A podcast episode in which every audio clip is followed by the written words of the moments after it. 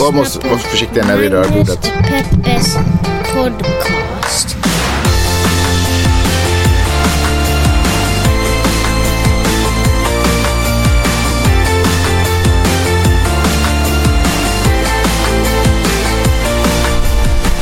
Hallå internet och hjärtligt välkomna till podcasten som heter Magnus och Peppes podcast.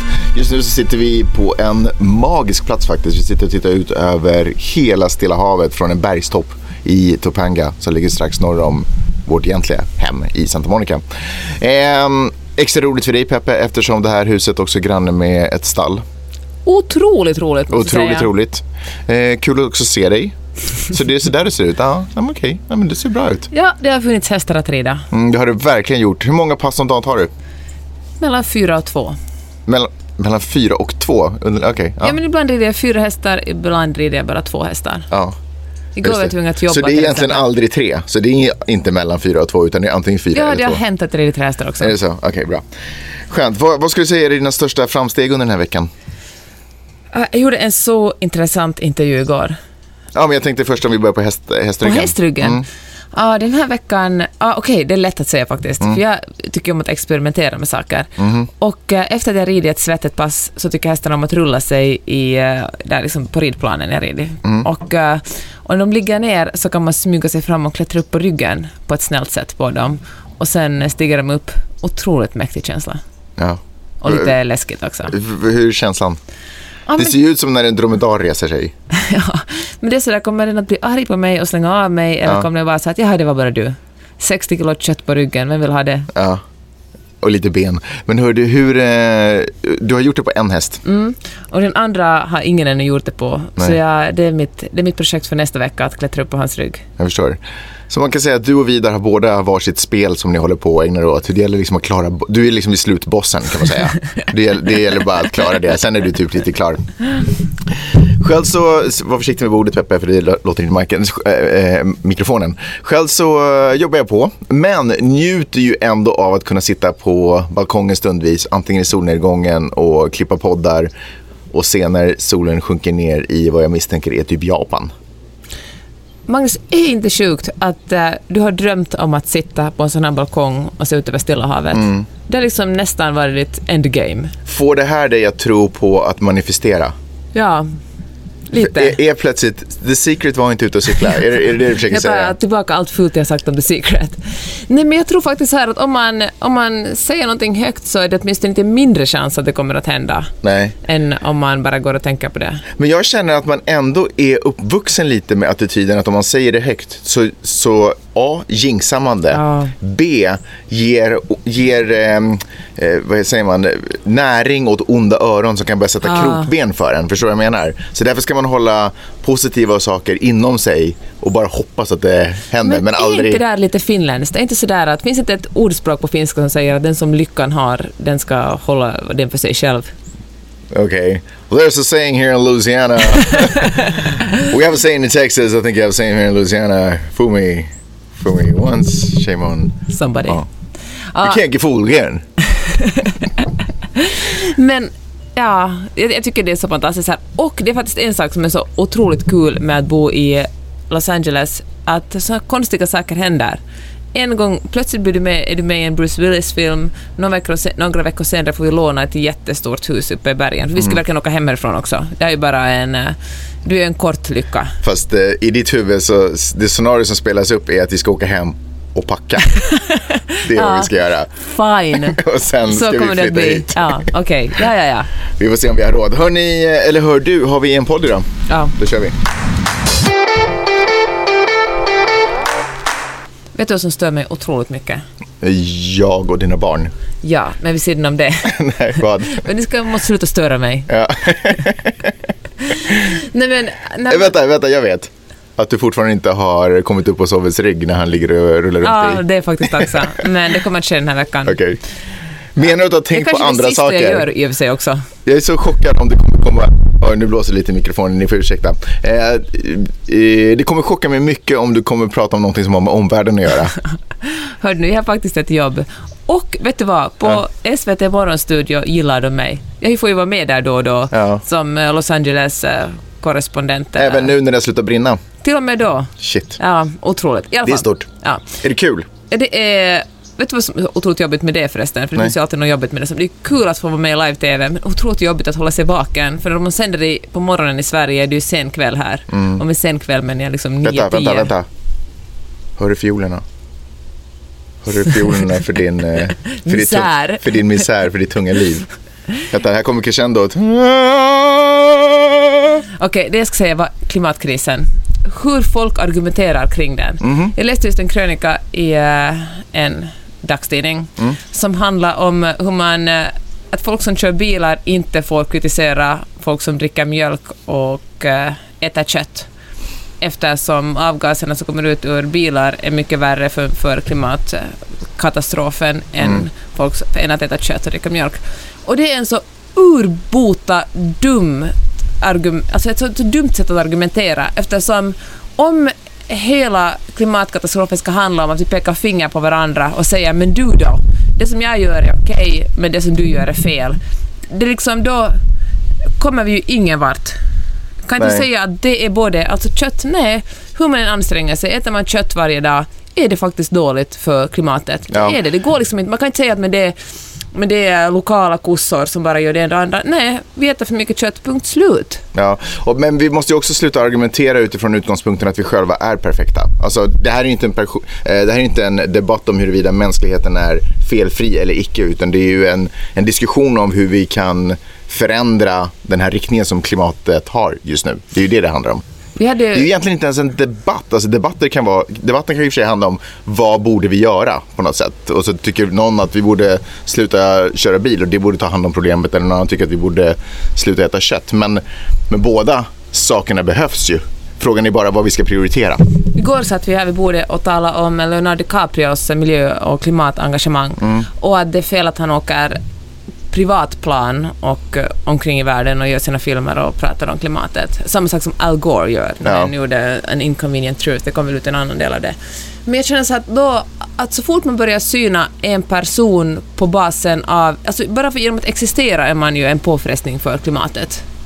Jo, Eller de absolut. flesta, kanske inte Greta Thunberg, men liksom vi andra. Ja, I och Och för sig, men till och med hon faktiskt eftersom Men om man, om man säger att man som, man som Leonardo DiCaprio, vill absolut inte försvara honom för någonting, men bara helt objektivt, om man når, han måste ha otroligt många fans, om, om han når liksom hundratusentals människor där han säger snälla, var snälla mot djur och ät inte upp dem, eller eh, vad han nu argumenterar, men i alla fall för att göra leva liksom ett hållbart liv, då gör han väl mera gott och även om han åker privatplan för att hålla de här föreläsningarna. Men jag bara undrar hur han själv eh, tänker där eftersom han uppenbarligen verkligen brinner för den här saken. Eh, och hur, hur känner han, alltså hur... Ja, jag vet, alltså det är ju lite konstigt ändå tycker jag. Men är det verkligen det? Tänk om... Ja, men det Alltså, finns ju här och internet. försvarar privat, Nej, men det finns ju ändå ja. internet. Alltså jag menar man kan hålla, man kan hålla Skype-sessioner, text liksom. Alltså, i, och så undrar folk, oh, men varför vill du göra det? Jo, därför att jag vill inte flyga. Du vet. Alltså man kan ju... Ja, fair enough. Man kan göra en point också av göra. också vad man... Alltså jag tycker att eh, om Greta Thunberg kan, då kan Leonardo också. Han har mycket fler resurser. Fair enough, det kan han. Och jag liksom, men jag tänker att det som Greta Thunberg gör är ju en eh, symbolisk gest som visar att... eh, att eh, här, alltså, Är det det? Jag tror faktiskt det. Jag tror att hon bara så här, det är ju superkonstigt om jag ska flyga när jag glider runt och håller på och pratar om... När jag, alltså hon brinner ju Ja. för saken. Hon förstår ju vilka konsekvenser hennes handlande har. Och därför bestämmer hon sig för att istället ro över Atlanten. Men jag tänker, men alla argument som sa att okej, men besättningen flögs fram och tillbaka. Vore det inte bättre om hon gjorde det här på Skype då hemma från Stockholm? Ja, det vore väl bättre i och för sig också. Så, ja, men så jag tänker att det går liksom, någon som, tar, någon som verkligen når en massa människor som i sin tur Mm. kanske ändrar sina, sina livsval och de liksom vardagliga handlingar. De väljer kanske att eh, inte åka på en utlandsresa, dra ner på köttet och bara äta kött två gånger i veckan istället för sju gånger. Om Leonardo DiCaprio Lena, och, och, och Greta Thunberg når de, når de här människorna då liksom om man, om man plussar och minusar utsläpp så då kanske ett privatplan ändå kommer på minussidan. Och obs, jag vill liksom inte uppmana alla att åka privatplan, men jag tänker att vissa... Jag menar, det går inte... Jag, jag tror faktiskt inte att det går att syna varandra på individnivå. Nej. Jag tänker att vi måste liksom bara jobba tillsammans för det här och göra vårt bästa och försöka tala och liksom... Ja, kanske till och med lite mer än vårt bästa också. Mm. Jag tycker att det är svårt, men det är klart att det är ju också konstigt att kritisera dem för det med tanke på den effekten de har på folk, människor runt omkring sig. Så det är konstigt att liksom kritisera dem för de, de minus de har. Med tanke på hur lite jag gör och hur många minus jag har så borde jag verkligen bara på något sätt istället försöka följa exempel snarare än att bara argumentera. alltså, du då? nej, men använda andras brister som ett argument för varför jag är felfri och perfekt. Liksom mer. Förstår du vad jag menar? Eller kanske inte för att du är felfri och perfekt, men att säga så här, men du är faktiskt också dålig. Ja. Och att på något Alltså kan jag här- fortsätta som jag håller på. Exakt, eftersom ingen är felfri. Mm. Ja, sen eh, på ett helt annat sätt tycker jag det är jättekonstigt med vuxna människor som dricker mjölk. Det är jättekonstigt med vuxna människor som dricker mjölk. Ja. Vet du vad, jag tycker, jag tänker säga det, men jag, ty, jag, vå- jag tänkte twittra det här men jag vågar inte. Men jag tycker till och med det är konstigt med vuxna människor som dricker med komjölk i kaffet. Varför jag då? Nej men mjölk är inte någonting som kalvarna ska dricka. Ja, men är inte äh, ja, ost är förstås ingenting som kalvarna ska äta heller. Men det är väl inte konstigt att använda sig av... eh, Nej men just i dessa när det finns, när det finns animalisk. alternativ. Liksom, ja, nej men... eh, Ja, för att, jo, jag vet. Men vad är, alltså, altern, vad är alternativen menar du? nej men en, eh, svart kaffe, Ja, ett glas vatten. fine.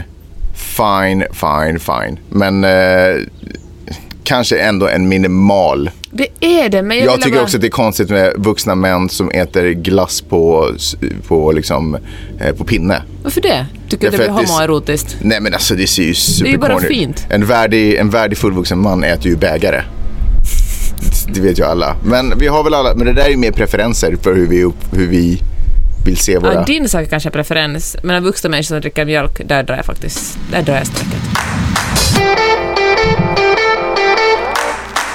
Elizabeth Warren, min favoritpresidentkandidat, tillsammans, eh, som leder fältet, Demokraternas fält med Joe Biden och eh, Bernie Sanders.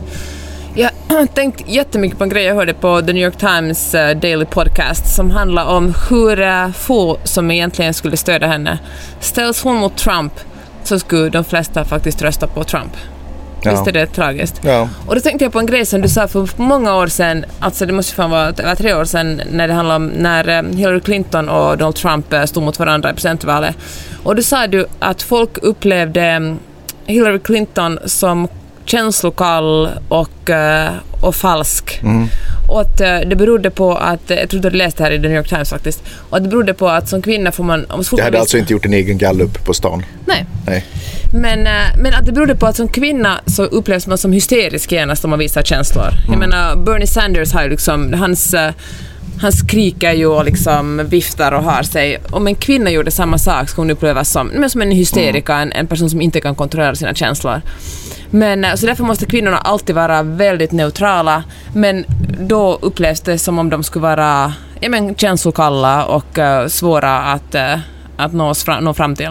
Mm. Och då tänkte jag, fasiken också, nu kommer, alltså nu kommer Elizabeth Warren att utsättas för samma sak som Clinton. Eller hon uppfattas på exakt samma sätt. Till och med kvinnor tyckte mindre om henne. Alltså de kvinnor som utfrågades här tyckte att hon var den som antagligen, de antagligen inte skulle rösta på henne för att hon just påminde om, ja men för att hon var känslokall. Det är ju inte så konstigt eftersom kvinnor också är uppvuxna i det här samhället och precis utsatta på samma sätt för liksom, normer och norm, det är liksom, ja, så som där. Så det är inte så konstigt Vad att... menar du med normer? Nej men jag menar att, att, att kvinnor uppfattar henne på samma sätt som män Ja, gör. är ju vis, inte, att mannen är inte- normen, liksom. Ja men Ja. precis. Och, och den, eh, det är ju kvinnor också uppfostrade till att tycka Ja. och känna och, och så. Leva i. För, Och jag vet, och det att man är överraskad över att kvinnor också känns, att kvinnor också känner så, det får mig att tänka att det är som om det skulle finnas ett kvinnolag och ett manslag, där kvinnorna absolut måste rösta på kvinnor och männen absolut måste rösta på män. Så är det givetvis inte. Drömmen vore ju liksom om man skulle välja den bästa kandidaten av alla som ställer upp. Ja. Men Fast så som ett steg i den riktningen så kanske kvinnor skulle gynnas av att agera som ett lag. Ja men, ja verkligen. Tänker jag. Och till Även män- fast man inte är helt överens alltid så är det kanske... vad? Män skulle kanske också gynnas av att ha lite kvinnliga ledare. Att liksom Ja, såklart, sett. absolut. Och så nu menar jag inte alls bara för att tänka att ah, våra döttrar kanske gynnas av det här. Jag tror faktiskt att män skulle få det lite bättre om eh, de hade kvinnor som ledare. Mm. Att leva i ett mindre så här, extremt maskuliniserat samhälle. Mm. Lite Är alltså Warren den som är högst, alltså som det går bäst för. Nej, jag tror faktiskt att Joe Biden är den som det går bäst för just nu. Han har typ lite repat sig från uh, Ukraina-skandalen. Det känns inte som att den tynger lika längre. Lika Nej, mycket längre. fast vi är mitt inne i som impeachment-förhör. Så Mm. kanske fokuset bara ligger mera på Donald Trump just nu. Ja. Men hör du, eh, Biden leder ju också delvis för att han är det mest eh, moderata jämfört med de andra. Folk tycker ju att både Elizabeth Warren och Bernie Sanders är extrem vänster. Mm. Och om de skulle, och att det inte går att rösta på dem av den orsaken. Och, eh, och Biden ligger liksom, han är ju mer höger än dem. Han är ju mer för ett liksom hårt kapitalistiskt samhälle. Ja. Men, eh, åh, vad tråkigt känner jag. Så tråkigt. Igår åkte jag ner till Beverly Hills. Drog av mig ridbyxorna, satte på mig rena kläder, sminkade mig. Jag hoppas du gjorde det innan du åkte ner till Beverly Hills. Ja, det gjorde jag faktiskt. Och eh, ja, men jag var mitt representativa jag. Ja. Och så gjorde jag en intervju med Susanne Saperstein, som är en svensk eh, miljonärkvinna. Ja, känd från Svenska Hollywoodfruar om man har tittat på det programmet. Ja. Eller för länge sedan. På din tid också? Eller? Nej, verkligen inte. Nej, du har aldrig träffat Nej, henne? nej. Eh, men hon, eh, jag visste faktiskt inte vem det var så jag var tvungen att googla henne. Det skrivs om henne i många amerikanska tidningar men kanske mest ändå i de svenska tidningarna. Och hon, eh, hon beskrevs i typ Aftonbladet och Expressen som, uh, jag menar, uppfattningen fick jag som en liksom lycksökerska, Mm. en ung svensk kvinna som kommer till USA, träffar en miljonär, snärjar honom och liksom inte är så full ord, men typ parasiterar på hans eh, Och nu pengar. lever på hans cash. Ja. Men precis. Sen skiljer de sig och eh, hon får en jättefet summa pengar. Men eh, när jag talade med henne i hennes eh, 40 miljoners hus i Beverly Hills så sa hon att, och jag väljer faktiskt att tro på henne, hon kom till, hon liksom studerade marknadsföring, kom till USA för hon visste genast att Sverige inte var tillräckligt kapitalistiskt för henne, hon ville jobba i USA. Kommer hon hit, träffar en man på ett flyg faktiskt och han säger hej, här är mitt businesskort, vill du jobba för mig? Hon åker hem till Sverige, funderar på om hon vill det. Hennes mamma säger lev din dröm, åk iväg. Så hon åker tillbaka till Sverige, får jobb på det företaget. Tillbaka till USA. Ja. Ah, förlåt, tillbaka till USA, får jobb på det, på det företaget. Där blir de kära varandra och Mm. blir ett par. Och det som, det som gjorde dem så otroligt framgångsrika var det här konceptet. De sålde För, vänta, jag måste bara, för när de träffades, hur många anställda hade han då? Inga alls. Okej, så hon var egentligen hans första anställda? Ja. Okej. Han hade en idé och han hade liksom kommit igång lite med den här idén Mm. men liksom, han hade inga fastanställda. Han hade kanske så här, folk som hjälpte honom på uppdrag men liksom inga, inga på lönelistorna. Mm. Och, eh, men han hade folk som åkte runt i bilar och rapporterade in uh, trafikkaos. Mm. Typ så här, på 405 hade skett en stor olycka, välj en annan väg. Mm. Ta, och det här var ju, och det här sålde de till, de bodde i Tex- Texas på den tiden, och det här sålde de till lokala radiostationer. Mm. Och det här var ju otroligt bra material för radiostationerna, för när man sitter i sin bil och Ja, ja, så, såklart. så vill man ju veta. Så Men var han en av de alltså, första i USA som höll på med sånt? Ja, det var Men han. vänta, vilket, när var det här? På det var på 80-talet? 80-talet. Så ja, man hade typ inte sånt innan? Nej. Intressant. Han hittade på hela konceptet. Och när jag sa att han sålde den så gjorde han faktiskt inte själva, själva mm, när slotten var gratis, han gav den till radio och sen till tv-stationer. Mm. Men det han ville ha var 10 sekunder före eller efter det. Mm. 10 sekunder där han kunde sälja reklam. Och eh, det här var någonting helt nytt, för tidigare i USA hade man gjort reklam, så här, reklam var, också radio och tv-reklam var stora produktioner på minst 30 sekunder. Mm. Så ganska dyra att producera. Men när 10 sekunder var någonting som man sålde in och då började han egentligen, och det var det som Susanne gjorde, hon kom dit och började sälja annonser. Hon var så Okej. här, köp den här, ni kan, folk sitter i sina bilar, lyssnar otroligt uppmärksamt. Ja. Ni kommer att vilja synas i det här eh, sammanhanget. Just det. Eller höras i det sammanhanget. Och det gjorde hon och så byggde de, eh, no, men de bara sålde mera, gick från att bara vara i Texas till andra delstater och snart kunde de köpa helikoptrar och flygplan som flög ovanför trafiken och Så som det är nu, in. liksom. Ja, precis. Och, eh, och snart hade de, de till exempel alla stora flygbolag, typ United, American Airlines, gjorde så här åk till Hawaii för bara 500 dollar Mm. tur och retur liksom. Och det var den 10 sekunden. Gjorde otroligt mycket pengar på det. Hmm. Så spännande va? Ja, jävligt coolt Det faktiskt. skulle aldrig funka idag, det finns det Waze. Men de har inte det eh, företaget längre eller? Nej, de eh, sålde det. Och eh, jag tror de gick in på börsen, de liksom börsnoterade. Mm. Och, och sen sålde de allting. Och så Och så de... det var så de blev svinrika? Ja. Och, och så skilde de sig. Och som var det är också en, en väldigt snaskig skilsmässa som tidningar skriver om mycket. Men Okej. jag tycker det det blir ovärdigt Ja, att fattar. gott att säga sånt Ja. tycker jag. Eh, Fotnot på det där skilsmässan, eh, inte själva detaljen kring det, men han eh, blev ihop med sin nanny. Mm. Och sen eh, den nannyn tror jag skulle ha varit med i Svenska Hollywoodfruar för ett par år sedan, men hon dog faktiskt i en olycka när de var på semester. Precis Bara I innan hon januari i år faktiskt. Ja, var det i år till och med? Ja. Precis innan hon skulle vara med i den säsongen som spelades in. Jag tror att det var så faktiskt. jag tror inte jag är ute och cyklar. hjärtattack tror jag hon då faktiskt. Ja, ja, just det, precis. Crazy. Anyways, ja. Ja, i alla fall. Men nu, nu, så huset så du var i, alltså det där, så har du en 40 miljoners kåk. Det var hennes kåk eller? Hon, byggde, hon köpte det för två, alltså det går ju bra för henne. Mm. Så det, här, det är en ganska ny kåk. Före det nämligen flyttade de till eh, Los Angeles, men de ännu var gifta. Flyttade de, de hade ett hus i Houston, Texas, Los ja. Mm. Angeles. Ja. Och för de ville att barnen skulle gå i bra skolor och tydligen har Los Angeles mycket bättre skolor Mm. än, än, än i Texas, eller Houston åtminstone. Och då byggde hon ett hus som, eh, för, men som såldes för drygt 100 miljoner dollar. Det var en kopia av Versailles, alltså Versailles-slottet. Det är ändå ganska roligt amerikanskt att eh, man, vill bygga, man vill bygga gammal europeiska byggnader. Ja. Det är ju därför det finns... Alltså det där huset är i uh, Det ligger i Beverly Hills. Versailles-huset. Ja, Jag tror fan jag har sett det alltså. ja, det har du säkert gjort. Det är verkligen jättestort. Hon sa att det var... Och det, ja, men det planerade hon, inredde och byggde. De ville sälja det för, det tog, 100, det tog för 125 miljoner, men ingen alltså det, ingen, det fanns en så Nej. stor, det finns så många köpare för ett så dyrt hus. Till slut sålde de det 2014 för 100, 102 miljoner tror jag det gick för. Jag tror där uppe i bergen där i närheten så finns eh, kanske ett av världens dyraste hus till försäljning. Jag tror att det ligger på typ så här, ja, jag ljuger säkert nu men det spelar ingen roll för det är ändå fantasisiffror, eh, typ 900 miljoner dollar. Det är någon shejk som äger det och han vill Mm. typ sälja det. Men vem ska han sälja det till? Det finns ju ingen köpare som har 9 miljoner. Alltså om man Men har... han är den enda som har det Ja, liksom. men han är ju typ den enda som har det. Alltså, om man har 900 miljoner dollar så går man inte köpa, lägga alla de pengarna på ett hus. Liksom. Det är så För det här konstigt. måste vara Hollywood Hills, för det var det dyraste Ja. huset i historien som hade sålts Jaha, okej, okej, okej. Ja, jag fattar. Men får jag, bara, får jag bara också då på den tanken. Då betyder det att det huset inte är värt så mycket. Nej. Förstår du vad jag menar? Jag det. Ja. Alltså om man Exakt, inte kan sälja det för det, för det, då är det ju inte ja. värt så mycket. Ja, det är så spännande med, eh, med fastigheter. Ja. Och, eh, men hon sa så många intressanta. Hon, har köpt det här, hon köpte liksom då inom citationstecken ett ruckel på Sunset i Beverly Mm. Hills för 9,5 miljoner. Mm.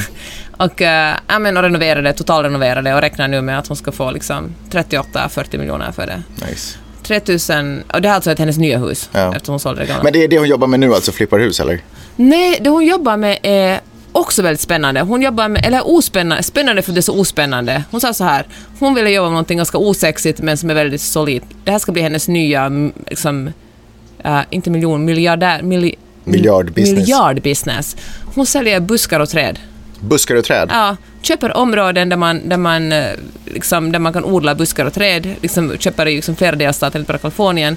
Och sen hon att köper man ett träd eller en buske i Kalifornien kommer det med allra största sannolikhet för, från hennes. Aha. Och egentligen, hennes barn äger en stor del, hon har liksom tre barn som hon fick på tre år. Liksom, det, bara, det gick snabbt. Liksom. Mm. Och hennes son är VD för det här företaget och han, eh, han sköter Men hon måste ha mesta. gjort det här för länge sedan för det tar ju tid för buskar och träd att växa upp. Mm, jag tror att hon också började sedan 2014. Men det fanns liksom, hon började inte från noll. Det fanns redan buskar och träd. det, fanns, det, finns, det var inte hon som uppfann buskar och träd. Nej, jag fattar, jag fattar. Men hon sa att det som hon gjorde var, eller som hon jobbade jättehårt med, är att många av dem hon köpte var sådär, som man säger i USA, mom and pop plantations. Ja. Alltså små privata bondgårdar. Där hon folk- köpte upp dem liksom? Bland annat, ja. Okej.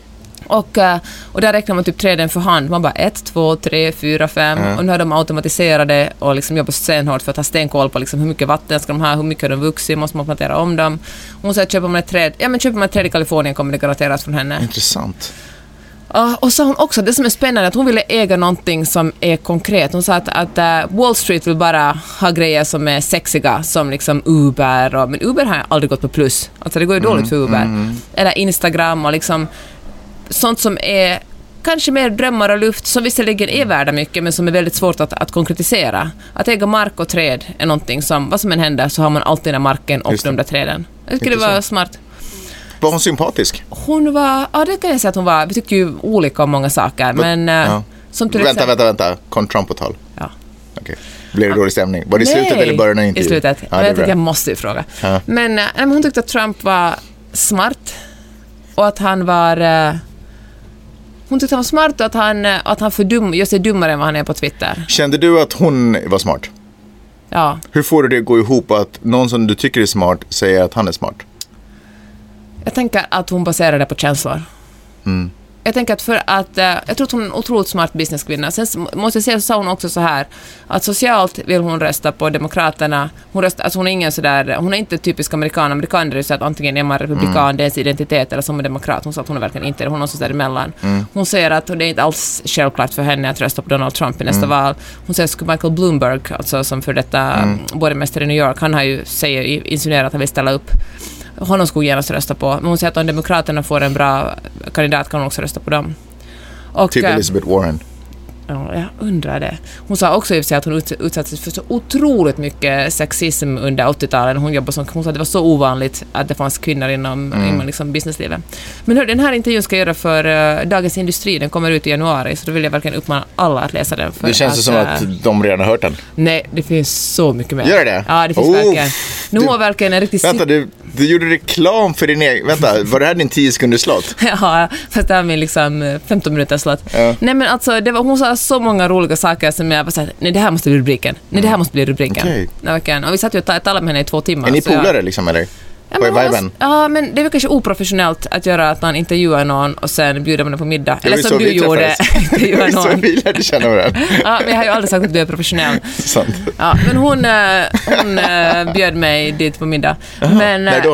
eh, nej, så det var så här löst. Det var nog säkert bara en trevlighetsgrej. Ja, okej, okej, okej. Men hör du, du vet vad min special skill är? Ja, Att få folk att gråta. Ja, nailed it. Är det sant? Börjar hon gråta? Mm. Ja. Vad, vad, vad pratar ni om då? Eller det kanske inte vill säga? Jag vill inte säga det, men, eh, men det är faktiskt ingenting som jag gör avsiktligt, så att nu ska jag få folk att gråta. Jo, Men, alltså du, du kommer med typ en liten ett spett så du kör in folk. Tills de gråter. Ja. Ja, ja. Men, eh, ja, men det var... Vad, hur får du dig att känna när du får folk att gråta? Jag känner mig så att nej, Är det så? inte igen. Bara så att ni vet nästa gång ni gråter framför Peppe så vet ni nu vad hon tänker. Åh fy. Det är ju jättefint att folk känner sig trygga i mitt sällskap, men nu kommer ingen någonsin att uh, känna sig trygg i mitt sällskap. Du kanske förstört min karriär som vän och Som journalist. gråterska. Ja. Hörru, superintressant med... Tror du hon kommer vara med i Svenska Hollywoodfruar igen? Hon behöver ju verkligen inte. Det är inte som Gunilla Persson som måste vara med för pengarnas skull. Oj då. Men, Vad, baserar du det på? ja, mm, Hollywoodfruar. Men, eh, men jag, nej, jag tror jag faktiskt inte. Jag tror att hon inte hinner.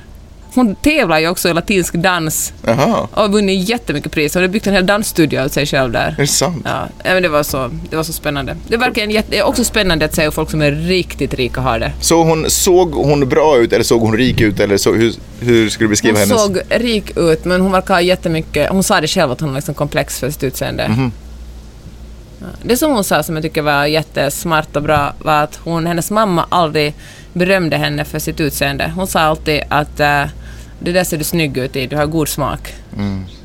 Och jag tycker det är kanske någonting, det tänkte jag, det ska jag, istället för att säga till sina döttrar, gud vad gullig du är, gud vad vacker du är, Eller söner. Eller söner för den delen. Men tänk att kvinnor, ja men sen när vi växer upp kanske män har lika mycket utseendekomplex som kvinnor. Ja, ja. Bra, Men, eh, spännande. Kul. Kul att göra intervjuer, eller? Ja, verkligen. Ja. Häromdagen tog jag en Uber hem och eh, det var en man som körde det som inte kunde ett ord engelska. Mm. Och eftersom jag skulle träffa dig på jag skulle åka hem men så att men hej, jag plockar, vi träffas halvvägs, vi bor ju så långt borta nu så, så det är roligare att sitta och prata med varandra än att sitta parallellt, du i en bil och jag i en Uber. Och så försökte jag säga till honom att men kan du bara slänga av mig på Sunset och uh, Bandy eller vad det nu var. Och han, han talade liksom bara kinesiska och kunde verkligen inte han förstod inte mig. Alltså jag försökte desperat hitta en adress så att kunna sätta in i appen liksom, någonting som ligger i hörnet av, av Bandy och Sunset, men jag hittade liksom ingen. Det var, det var jättejobbigt. Och han var ganska otrevlig också. Och bilen var smutsig och det var på alla sätt en inte så trevlig upplevelse. Och, eh, och då tänkte jag, och då, men, då visste jag faktiskt inte hur jag skulle göra, för att spontant tänkte jag fan jag skulle ge den här snubben två eller tre stjärnor. Men jag tänkte, men tänk- Tre stjärnor, det är väl ändå godkänt? Nej, jag vet faktiskt inte. Det är ju jättesträngt. Jag tror att man får fyra eller fem stjärnor. Jag tror att en stjärna så då är det katastrof. Då kanske man till och med blir avstängd. Ah, okej. Men, men samtidigt, alltså han gjorde ett väldigt dåligt och otrevligt jobb. Men jag vill ändå inte att han ska bli arbetslös. Det- Alltså, men Uber är ett skitföretag som det är den. Hur, så vad ska, hur ska man hantera det liksom? Han får, kanske han lever på existensminimum och kanske det här är liksom den sista spiken i kistan om, jag, om han blir avstängd från sitt jobb som, som Uber-chaufför. Det är sant, det är väldigt många kanske där. Eh, och eh, granted att Uberjobb är kanske ingenting man tar när man är på piken i sin karriär. Nej. För då behöver man kanske inte, Uberjobb ju, känns ju som ett, ett extra knäck Ja. på något sätt. För att fylla, fylla små hål så att säga. Så, men trots allt, det är väldigt mycket kanske. Kanske han hade misär, kanske han skulle få sparken, kanske. Alltså jag vet inte riktigt. Det där är en tjänst som bygger på, det är ju en förtroendetjänst. Dels så sitter vi ju i någons bil. Det är ju inte en taxibil som ägs av ett företag. Vi sitter ju i någons bil. Eh, och den personen är ju en riktig människa som har tagit sig an som dig. Så. Men det är ju också åt andra hållet. Du kliver ju som kund in i en miljö där du inte är säker. Du känner inte personen som kör. Det här är ingen professionell chaufför på det sättet. Det är inte dealen med Uber. Så det, är ju en, det, är ju, det handlar om ett förtroende. Och är det inte liksom lite förtroendet man bedömer? Och det gör man delvis. Eh, nej, man gör det ju uteslutande för andra skull. Förstår du vad jag menar? Han bedömer ju dig också. Rating, ja, jag kommer säkert få en dålig rating. jag blev så han, frustrerad. ja, men precis. Men han bedömer ju dig för andra privata människor som har en bil, som vill ta in människor i sin Mm. egen bil. Varning för den här personen. Hon verkar galen. Mm. På samma sätt, du för andra människor som sätter sig i den här utsatta situationen och kliver in i en främmande persons privata Fast bil. han har ju mer att förlora. Jag tänker så här att okej att om, om en Ja, Uber fast inte vet du vad, om vi, plocka upp drar, mig. om vi hårdrar saker och ting så spelar ju livet ibland roll i, i, de- i sådana här situationer. Alltså, han har mer förlora, förlora ekonomiskt, ja. Men jag tycker ändå att det är värt att poängtera, för det här är ju en, det är ju en tjallarservice på det sättet, eller rekommendationsservice. Mm. En angivarservice. Ja, det är ju en angivarservice, men det är ju, eller liksom en rekommendationsservice är det väl positiva sätt att se det på. Men det handlar ju också om att sprida ordet om vad vi pysslar med här. Ja, men, han, men jag tänker så han var ju inte våldsam, han var bara otrevlig, han liksom trakasserade mig inte sexuellt, kände mig liksom aldrig i fara. Jag var bara otroligt fast du sa att det var en över- obehaglig upplevelse och då tycker jag att det kan vara värt för andra kunder att få reda på det. Du kan väl ge honom en tre stjärnor med en kommentar. Eller fyra stjärnor med en kommentar. Jag då. kanske skriver en kommentar. Ja. Och det är kanske en Det bra kan kompromiss. Ja. ja, det är verkligen... Ja, det var liksom... Det är ju, alltså, jag, För jag tycker att det är, det är lite, alltså jag fattar dilemmat, jag förstår. Eh, men det är konst, det blir lite, alltså tjänsten tapp, tappar sin funktion om man inte, om man inte spelar Om man inte spelets är det, regler. liksom. Ja. Eller precis. Om man har en dålig upplevelse då, då ska man nog kanske meddela om det. Mm. Jag är ganska säker på att de meddelar om de har haft dåliga upplevelser Mm. av fyllon som har suttit i bilar eller äh, kunder som har blivit aggressiva för att de inte tycker att de har tagit den raka vägen eller vad tusan det kan Mm. jag vara. Liksom. Jag tror att de är med om en hel del skit också. Mm. Eh, men det, det är också sant att troligtvis så har man lite mer power på kundsidan. För att det är ju ändå kunderna som Uber vill ha huvudsakligen. Exakt, de skiter ju liksom Spe, förarna. speciellt nu när de har så många chaufförer Ja. så skiter de ju säkert i chaufförerna. Så att, eh, det är ju inte en superrättvis business men jag tycker nog ändå att man ska spela spelets regler. Jag förstår, jag, om, om situationen har varit den att supertrevlig, eh, körde bra men bilen var superskitig. Kanske onödigt att ge en- taskigt att ge en tvåa. Förstår du vad jag menar? herregud, jag, ska, jag är ju alltid Eller femma. Jag tror jag aldrig gett någonting mindre än en femma. supertrevlig, superren bil men körde jättekonstigt. Kanske hårt att ge ett jättelågt, Mm. förstår du vad jag menar? Ja, jag hör det. Så vad blev det? Ingenting ännu. Betyg med kommentar. Betyg med kommentar. Bra. Du vet man går på Creation Café och så frågar de om man vill ha vanligt vatten eller klorofyllvatten. Kommer du ihåg det? Nej. Det är länge sedan jag var där. Men det gör de. Klorofyllvatten? Ja, för är det inte sånt som får en att svimma? Det är så här Tintin... Eh, Ja, man har det på Nestdup Ja, och trycker Tintin emot, kidnappning. Ja, det, kan vara något annat. Men eh, klorofyll är alltså det som växter Kol. använder för fotosyntes. ja, Om du var uppmärksam under, eh, Ja. Jo, jo, under jo. eh, lågstadiebiologin. I alla fall, det är den nya stora grejen i, eh, i USA. Mm. Där man förra året köpte folk klorofyll, så här, um, supplements, vad heter det? Tillsatt. Mm. Tillskott. Ja, tillskott för nästan 8 miljoner dollar. Oj. Och folk så här kändisar, Reese Witherspoon säger att hon äter det och någon annan säger att hennes akne har försvunnit tack vare klorofyll. Mhm. Och, eh, så det kan, det kan man vänta nu i Sverige och Finland. Det kommer garanterat att, att komma dit snart. Okej. Men jag tänkte utfärda en liten varning för innan folk börjar sätta ner sina pengar på klorofyll. För att man är, det är ju, man är ju snabb på att haka på nya Speciellt om Reese Witherspoon säger Ja, det. men precis, nya trender som kan göra en yngre och vackrare och få slätare hy och mindre akne. Men då har alltså New York Times gjort, eh, kolla det här, finns det någonting, någon slags vetenskapliga belägg för detta? Vänta, här kommer trumvirveln.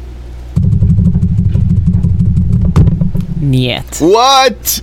Nej! Ja. Get out of town. Alltså det här är ett tillskott som man bara kan, någon kommer att bli rik på det medan den som köper det inte kommer att få någonting annat än kanske en placeboeffekt. Alltså, Vilket är också en effekt i och för sig. Jag effekt. är chockad. Eh, fråga, har Hanna och Amanda gjort reklam för det här tillskottet? Jag tänker inte svara på. Nej men alltså, det har ingen effekt alls. Nej. Det fungerar bara på växter, Ja. Om inte på man, människor. ja, om man är ett träd har det Ja. Men jättebra... har du observerat hur lite akne träd har? Fair enough. Ja, och observera hur slimmade många av dem är. Ja. Inte en uns av fett eller Nej, någonting ingen annat. underhudsfett alls. Nej. Fast många har ganska skrovlig hy om man ska vara helt ärlig. Ja, jag är chockad, jag är chockad, jag är chockad. Ja, vi får väl bara försöka fortsätta leta oss fram i denna djungel av ämnen och Vad mikrober det? man kan. Ungdomens eh, källa. Jag tror ju fortfarande mest på stamcellsinjektioner. Ska Du ta... måste åka till Mexiko för att eh, få. Ja, jag ska ta en i ögat för att få bra syn, för att kunna se, som, se, som, se ut som en baby. Kan vi konstatera att det är en underlig och ganska vilsen plats eh, vi bor på på den här planeten jorden. Tror ni, alltså, håller, alltså vi lever ju i västvärlden, jag vet inte, newsflash, kom ihåg vad ni hörde det först. Eh, har liksom, håller hela Asien på så här också? Nej men herregud, ja! Men gud, vad snackar du om? Nej men jag fattar, ja, men jag, Men vet är Kore- man- jag fattar Korea och jag fattar Japan och kanske också platser i, i Kina. Men det är ju långt ifrån hela Asien. De, det, de, ställ, de platser jag rabblar upp nu det är typ så här USA, Alltså, din fråga är Paris så här, håller och... fattiga människor också på så här? Ja, kanske är det det som är min fråga. Men jag bara, kom, kan, när, kommer vi någonsin nå den här, uh, vad heter den där Sylvester Stallone-filmen? I- där, där han har varit nerfryst och kommer tillbaka. Ja, skitsamma. Men du vet, kommer vi någonsin uppnå en värld där vi liksom är harmoniska, lugna och trygga i oss själva, eh, som, ett, som ett gemensamt samhälle strävar åt en, i en positiv riktning, löser problem tillsammans. alltså, Men, eh, kommer vi någonsin komma Men dit? vet du, kapitalismen handlar ju om att ständigt sträva efter någonting mer. Men jag kan ju i och för sig också tänka att det finns ju en... Fast kapitalismen kan ju också användas till att ska, inspirera och pusha folk att skapa bra saker. och mer pengar. Och alltså, det, men pengar är ju bara byteshandeln. Det är ju bara för att jag inte ska behöva hitta någon som vill ha mina minkpäls, eller liksom mina minkhuvuden som jag har jagat själv. Alltså pengar är ju bara ett, ett ganska smidigt Men sätt vad, att byta. liksom, drivs du av att jaga minkhuvuden? Nej, det är ju det jag inte gör och då är det jättejobbigt att det enda sättet för mig att få mat är att hitta minkhuvuden för det är det enda han vill ha, han som har maten. Ja, fast grejen är att om du bara vill ha mat är det okej, men liksom, jag tänker att kapitalismen handlar om mer än det. Det handlar ju om att vi vill liksom ständigt sträva efter att ha ännu mer mat och ännu mer eh, minkhuvuden. Alltså jag tänkte att vi skulle runda av här men jag måste ändå säga att jag tycker inte att det är kapitalismen det där, det där är girigheten du pratar om. Men inte för mig är, är girighet Nej, det heter inte giritimismen. Det heter inte det. Det är kapitalism. Snyggt argument, Magnus. Kapitalismen är bara ett, det är bara ett, liksom ett sätt, det är bara en spelplan. Men det är sen girigheten som gör att folk, alltså socialism är ju också fantastiskt. På, eller vill säga så här, ja exakt. Men när girigheten slås in då slås det lätt över till eh, liksom eh, kommunism. Men alltså för mig är kapitalism att ständigt vilja ha mer. Det är liksom det som kons- konsumtionshetsen handlar i. Vi ska liksom hela tiden vara Ja, men ska tiden köpa hudkrämer för att se yngre ut, för att uh, Nej, köpa kläder och köpa bilar och, och köpa... Men okej, paus och googlar vi kapitalism. Ja. Kapitalism är ett ekonomiskt system inom vilket kapital och produktionsfaktorer är egendomar, det vill säga ägs och styrs av privata aktörer såsom individer eller grupper av individer genom staten. Produktionsfaktorer såsom eh, naturresurser, råvaror, realkapital och i vissa fall även arbetskraften, liksom produktionens avsättning i form av varor och tjänster, köps och säljs på marknaden enligt producenters och konsumenters samtycke. Kapitalism särskiljs emellertid från marknadsekonomin. Termen kapitalism betecknar den sociala relationen i ägandet medan marknadsekonomi handlar om hur resurser styrs och utbud och efterfrågan påverkar prisbildningen. Fattar ingenting av vad du säger där. Ja, inte jag heller om jag ska vara ärlig. Men vet du vad jag inte hörde? Kapitalism handlar om att folk ska göra salvor och sälja det till folk utan att salvorna har någon effekt. Det var vad jag inte hörde. Fast det är ju en del av kapitalismen. Nej, det där är en del av lurendrejeri och girighet. Men vad behöver människan egentligen? Ja, jag vet inte, men oavsett. oavsett. Jag tycker det blir lättare försöker- en filosofisk fråga. Behöver, hur många bilar eller hur dyra bilar behöver man? Hur mycket mat? Ja, men jag tycker fortfarande att det inte har med kapitalism att göra. Det har med girighet. Och granted att eh, kapitalism på något sätt kanske uppmuntrar, inte fan vet jag, men jag tänker att vilket system man än, ändå med i så handlar det ju om att alla system bygger, står ju och faller med människors hur, människors beteende i de här systemen. Det är klart att när folk börjar flippa och bete sig, då är det ju inget system safe. Då är inte demokratin safe heller, för då kan vi rösta fram en envåldshärskare. Om folk inte tar ansvar för det systemet som är in play, så då, då kommer det fall, fallera. Och det är ju det som händer i kapitalismen, därför, här, nu. Folk har ju liksom lite flippat och börjat göra konstiga saker, för det handlar bara om att tjäna pengar, när det egentligen inte kanske nödvändigtvis det som borde vara drivkraften. Så ser jag på det. Ja. Så ser jag på det. Ja, vi får verkligen Google that shit. gå hanken och sen äh, återkomma. Ja. Om, du, eh, om du kan någonting om det här, håll det för dig själv. Eller sprid ut det till din egen krets. Nej, jag skojar bara. Nej, men berätta, Men vad, informera. Det här talade vi också om igår i och för sig när vi hade gäster. Vi har redan haft gäster här varje dag sedan vi flyttade upp till Topanga. Ja. Och då talar vi om så här, att vår kultur är mer eh, individfokuserad. Och jag tror att det är faktiskt ett stort problem. För att eh, alla, jag, tror, jag föreställer mig att, att kapitalismen inte är så kollektivt fokuserad. Det är liksom inte för det gemensamma goda, utan kap- kapitalismen handlar om mitt eget, att jag ska ha det bra. Och eh, att eh, jag tror att sociala medier har gjort att vi fokuserar enormt mycket på själva och bilden av oss. Och bilden av oss i sin tur leder till att vi konsumerar mer. Och blir liksom... Men jag skulle ändå våga argumentera för att vi har en stor del av kapitalismen att tacka för att vi lever ganska bekväma liv. Ja, vi, men liksom, jag tror att kapitalismen också har gjort att det är många som lever otroligt obekväma liv på bekostnad av att vill ha bekvä- bekväma liv. Mm. Kapitalismen har ju också utarmat jättestora delar av världen. Men kan vi också tillägga att, eh, att levnadsstandarden i världen globalt höjs hela tiden? Ja. Ja, men folk hade alltså, ja, fine, ja, det gör det i och för sig. Men, och, men inkomstklyftorna blir också mycket djupare. men Men å blir, ena sidan, men å andra sidan, men å ena sidan, Ja. å andra sidan. Ja, men det, det gör väl ingenting om de blir djupare om de, de som är lägst ner hela tiden höjs. ja, fast, ja. Och dessutom återigen skulle vilja argumentera för att graden av djuphet, det har med girighet Ja, att ja, göra. Hans Rosling där borta va, så ska alltid se allt från den positiva sidan. Det kanske stämmer, men jag tycker i alla fall att man inte kan luta sig tillbaka och säga att eh, jag kan shoppa all de här billighetsprodukterna eftersom de som, där barnen som jobbar i fabriker i Kambodja ändå har det lite bättre än deras föräldrar kanske hade det. Tack så hemskt mycket för att ni har lyssnat på den här veckans Ja. avsnitt. Jag vill också tacka. Vi återkommer snart. Det gör vi. Hej då!